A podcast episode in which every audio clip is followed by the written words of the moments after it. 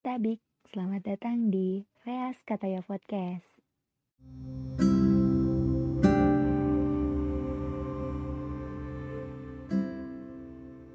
Aku suka sekali dengan hujan. Entah tepatnya kapan atau dalam momen yang seperti apa. Tapi yang jelas, aku menyukai hujan dengan segala keajaibannya segala keajaibannya ketika dia menjatuhkan diri ke bumi. Aku selalu bisa menangkap sikap rela dan pasrah dengan hadirnya. Aku juga selalu bisa merasakan berbagai macam rasa. Bahkan hanya dengan mencium wangian basahnya dari balik jendela. Ketika hujan, Biasanya perasaan rindu akan memeluk begitu erat, hingga rasanya aku kehabisan napas, namun tetap bahagia.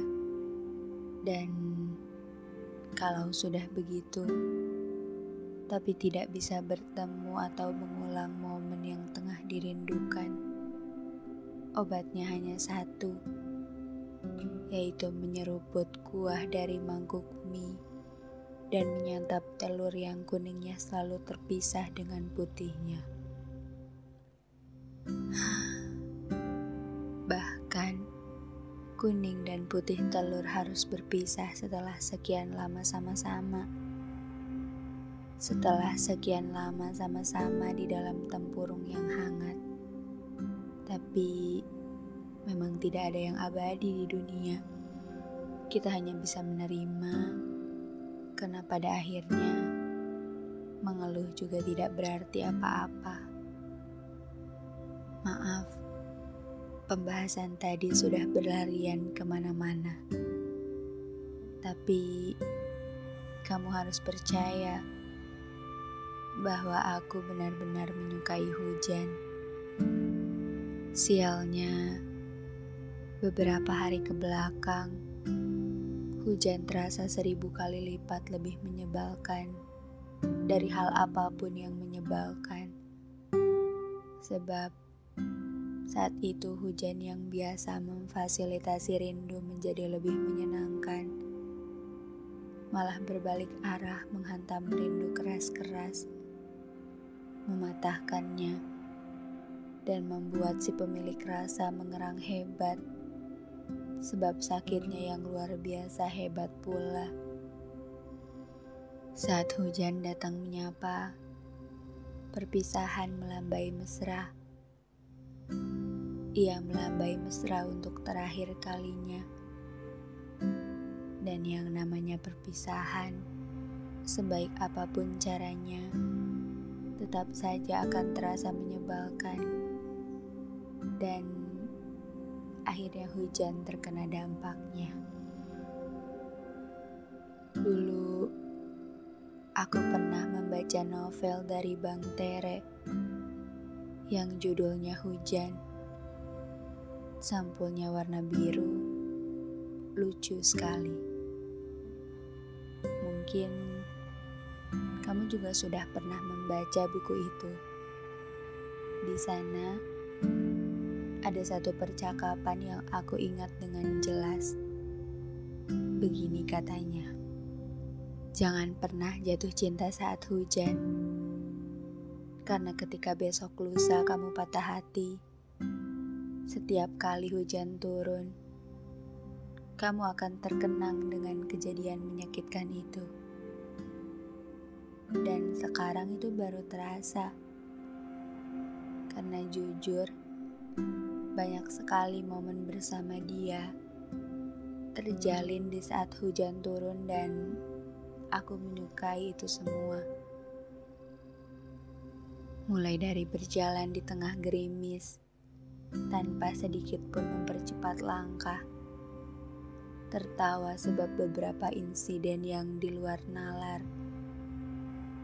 Sampai kepada dia yang lari terlebih dahulu Padahal aku masih membuka payung yang dia berikan dari dalam tasnya. Menyebalkan memang, tapi sungguh menyumpainya. Momen terakhir saat hujan dan senang bersama dia terjadi saat kami sudah lama sekali tidak bertemu. Dan seperti biasa, di setiap pertemuan, aku adalah sosok yang selalu mendominasi pembicaraan. Aku memang senang sekali bicara, apalagi di depan dia. Di satu sisi, aku merasa bersalah karena mengganggu kedamaiannya. Tapi di sisi yang lain, aku ingin dia mengingat aku dengan cara-cara itu. Aku ingin dia mengingatku sebagai seseorang yang senang bicara yang ketika bicara suaranya keras sekali sampai dia terlihat capek untuk mengingatkanku mengejakan suara. Meski kalau dipikir-pikir, aku masih belum paham kenapa dia irit sekali dalam bicara. Tapi aku berusaha untuk mengerti. Ketika itu, dia seperti sedang berada di momen yang paling khusyuk dalam menatap hujan. Aku yang ada di sebelahnya tentu saja tidak begitu. Aku mengganggu dia karena jujur rindu sekali ingin membuat momen.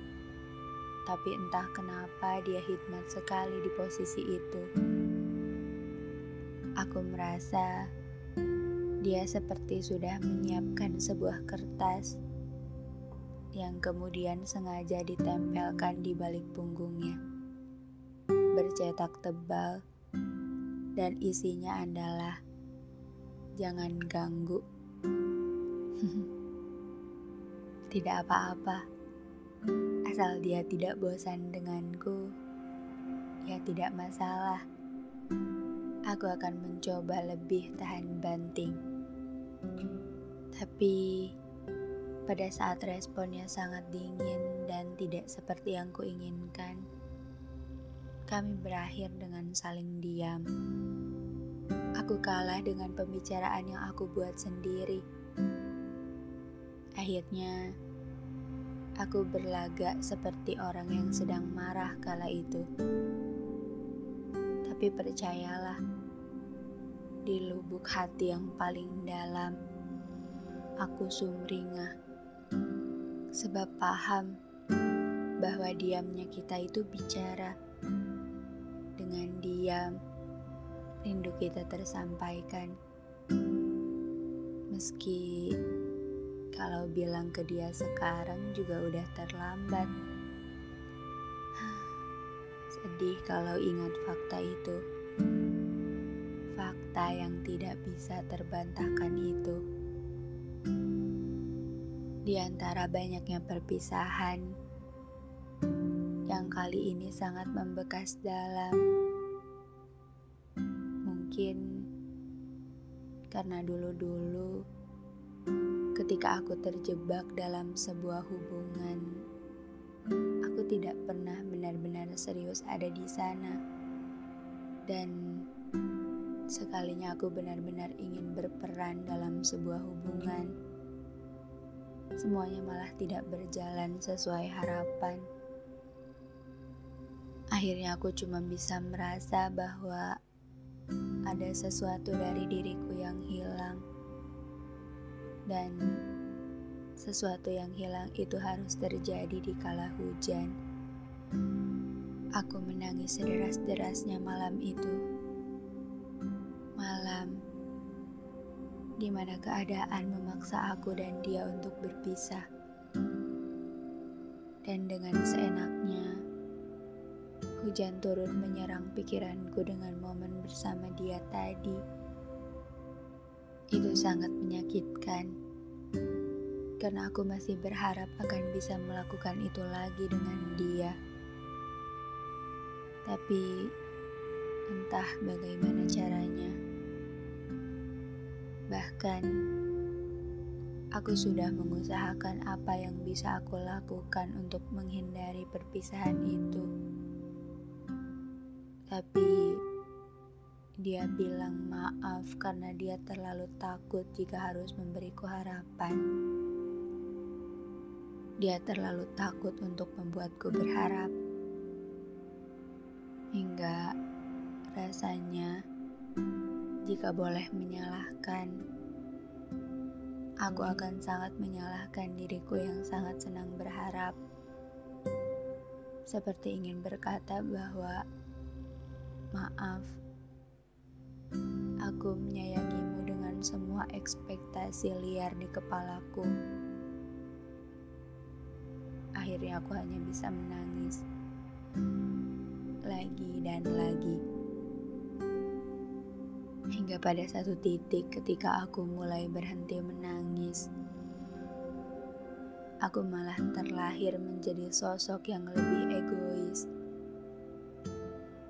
Aku yang awalnya sangat menyukai hujan, tiba saja mengklaim bahwa aku tidak suka hujan. Aku tidak suka dengan hujan yang terjadi di Rabu malam itu, atau hujan di Rabu malam berikutnya, atau hujan di Rabu malam-malam selanjutnya, sebab Hujan di Rabu malam itu sangat paham betapa aku tidak punya pilihan lain selain menyudahi sebuah hubungan. Hujan di Rabu malam menjadi sebuah pelampiasan kekesalanku yang tidak bisa memutar waktu untuk memperbaiki keadaan. Hujan di Rabu malam benar-benar datang serupa dengan air mata yang tak henti keluar semalaman. Bahkan sampai saat ini aku masih sering ketiba menitikan air mata tanpa aba-aba. Aku benci hujan di Rabu malam.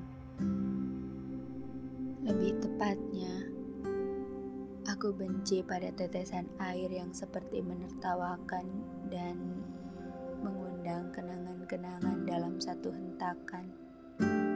Aku dibuat kebingungan harus melakukan apa, harus merelakannya dengan bagaimana, harus membuang semua kenangan manis itu di mana. Aku benar-benar kebingungan, dan hujan di Rabu malam. Seperti sebuah jawaban dari semesta. Bahwa aku dan dia harus belajar merelakan bahwa aku dan dia harus belajar merelakan sampai akhirnya. Jikapun kami berjodoh, pasti akan dipertemukan kembali. Kita hanya perlu percaya. Aku terdiam sejenak, berpikir, dan terus berpikir. Sebenarnya, apa yang salah dari kebisuan hujan di Rabu malam? Namun, saraf dalam otakku tak dapat bekerja dengan baik. Mereka semua seperti hilang kendali. Mereka seperti membawaku ke ruang hampa dan sepi, agar kiranya aku bisa menangis, berteriak, atau barangkali memaki diri sendiri. Akhirnya, aku berhasil mencapai sebuah titik kesadaran. Aku tersadar bahwa manusia memang selalu melampiaskan segalanya pada sesuatu yang tidak tahu apa-apa. Dibencinya sesuatu, dimakinya sesuatu padahal hati tidak bisa berbohong. Hanya terlalu malu untuk mengakui bahwa dari awal aku memang tidak pernah membenci hujan. Aku tidak pernah membenci hujan, melainkan membenci diri sendiri. Membenci keputusanku di saat kalut yang kemudian disetujuinya begitu saja. Sekali lagi, kutegaskan bahwa aku tidak pernah membenci hujan. Hanya saja, waktu yang tidak tepat membawa hujan menjadi penjahat paling meresahkan dalam sebuah penjara hampa tanpa nama. Begitulah manusia, tidak bisa menerima, lantas melampiaskan dengan cara membenci.